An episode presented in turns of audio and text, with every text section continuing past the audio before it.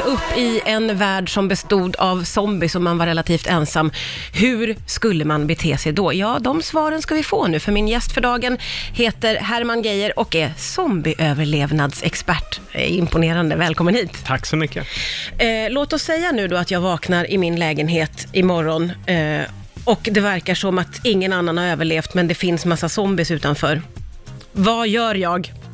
Först måste du kolla om de är långsamma eller snabba, om det, liksom vilken sorts zombie. För eh, om det är snabba zombier så gör du nog bäst i att, att liksom så här, försöka barrikadera det ett tag, för då blir du ett ganska lätt mål om du bara går ut. Men om de är långsamma så finns det större möjligheter att liksom, ja, men, hitta ett bättre ställe. Ja, just det. Stan, liksom, hitta, ja, tänka på att du behöver få i dig mat och vatten och liksom, de här sakerna. Ja, just det, det är de basic överlevnadsgrejerna, att man måste naturligtvis ha rent vatten och någonting att äta. Ja, men precis. Såklart. Eh, Men det här med att jag bor i lägenhet, bör jag söka mig därifrån? Ja, det, jag tror det. För eh, nästan alltid är det så att där det har funnits många människor så blir det många zombier.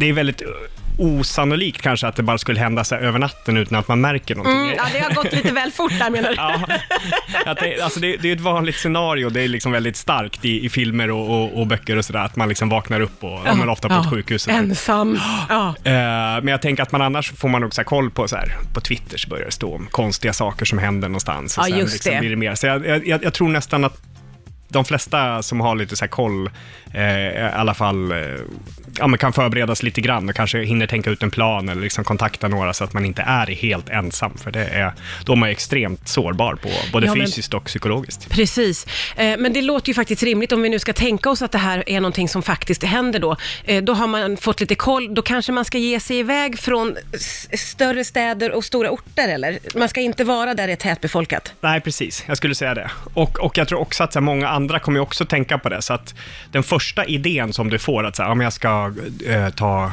gå längs det, tågrälsen liksom norrut eller någonting. Mm. Det är förmodligen många andra som också tänker på den grejen. Så att man, där måste man hitta ett bra sätt som ingen annan tänker på Men att oj, man ska vad kan, göra. vad kan det vara då? Eh, jag vet inte, kanske ta en cykel via småvägar eller någonting. Eller sen, ja, hitta, hitta något alternativt sätt som, Ja, ja. som alla andra inte, inte kommer ta. Och framförallt ska man nog inte ta bilen tror jag, för det kommer nog bli ganska mycket bilköer. Ja, ja, ja, men så blir man fast och så måste man ändå gå. Då gäller det att hitta någonstans där man kan bo, en liten övergiven stuga eller någonting då. Ja, men det är väl jättebra. Ja, och sen är det det här med mat och vatten. Vatten fattar jag ju, det kan man ju leta upp en källa, men mat då, om man bara har några konserver i ryggan. Alltså, människan klarar sig ganska länge utan mat. Det, jag skulle säga att de för, den första tiden så handlar det mer om psykologi. Liksom, och, och att man, ja, men när kroppen väl har ställt in sig på svältläge så börjar man ändå funka hyfsat, Mm. hyfsat igen. Eh, Så, att, så att fokusera på, på rent vatten och hålla värmen, det är det viktigaste Det är i alla viktiga. överlevnadssituationer. Ja, just det. Jag gästas idag av Herman Geijer som är zombieöverlevnadsexpert och det är någonting som intresserar mig något alldeles kolossalt. Jag tänker så mycket på hur det skulle vara ifall det blev en zombieapokalyps.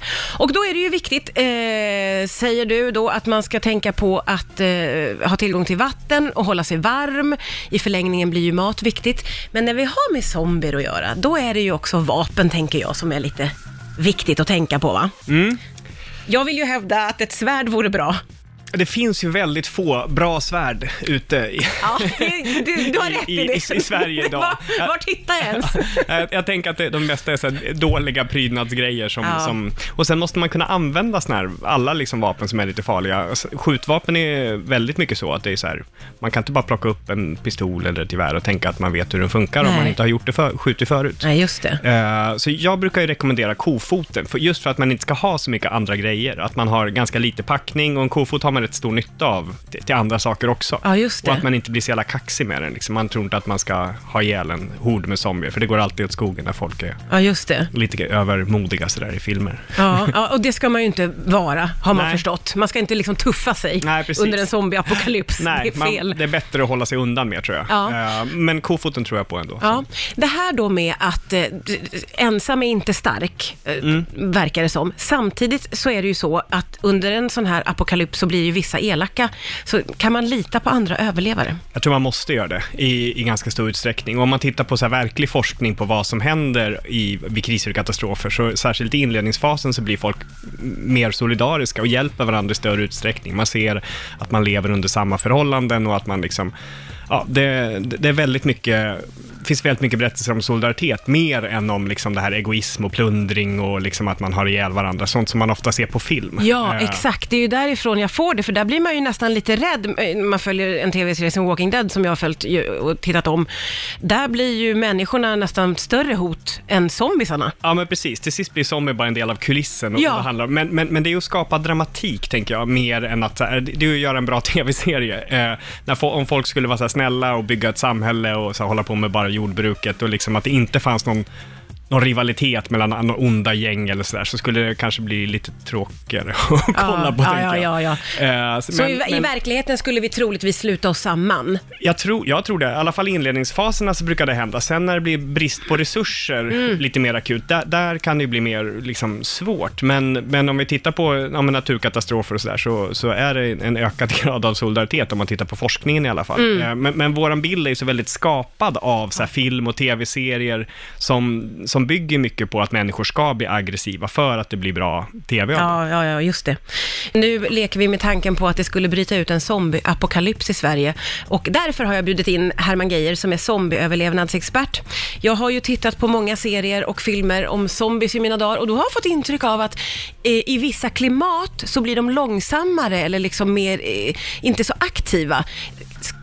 Stämmer det blir ju naturligtvis konstigt att fråga, men du fattar. Jag fattar. Ja, det bo, alltså om, de, om, deras, eh, så här, om de inte har ett hjärta som pumpar runt blodet, så borde de hålla samma temperatur som omgivningen. Så när det blir minusgrader så borde de frysa. Till, liksom frysa fast sådär. Mm. Ja. Eh, så då, då är det förmodligen så att, de, att man kan göra lite vad man vill. Liksom. Så det, det, det är, vintern är förmodligen ett säkrare tid för människor i alla fall. Liksom. På så sätt ganska bra att bo där vi bor då. Ja, men precis. Så frågan är om inte åka upp ännu längre norrut är en ganska bra idé egentligen. För där finns ju också färre människor. Ja, Eh, ja. Så att bege sig norrut eh, är, nog, är nog att föredra, tror jag. Ja, precis. Eh, och att sluta samman med andra. Eh, och så är det det här med att också, eh, om det nu skulle vara så att det här blir långdraget, man kan ju naturligtvis bes, ja, plundra då såklart, inget som jag uppmuntrar, men jag tänker den här, eh, man kan hitta konserver och annat. Men när det börjar tryta då, då är det tillbaka till liksom old times och odla Ja, och... men precis. Det, är- jag tror, sån här, det är nog ganska bra förberedelse att lära sig lite grann kring odling. Och som man bor i stan, att man försöker skaffa någon pallkrage eller liksom någon sån här kolonilott för att få lite kontakt med hur man gör när man, Ja. när man odlar mat. För det är Ja. ju ett...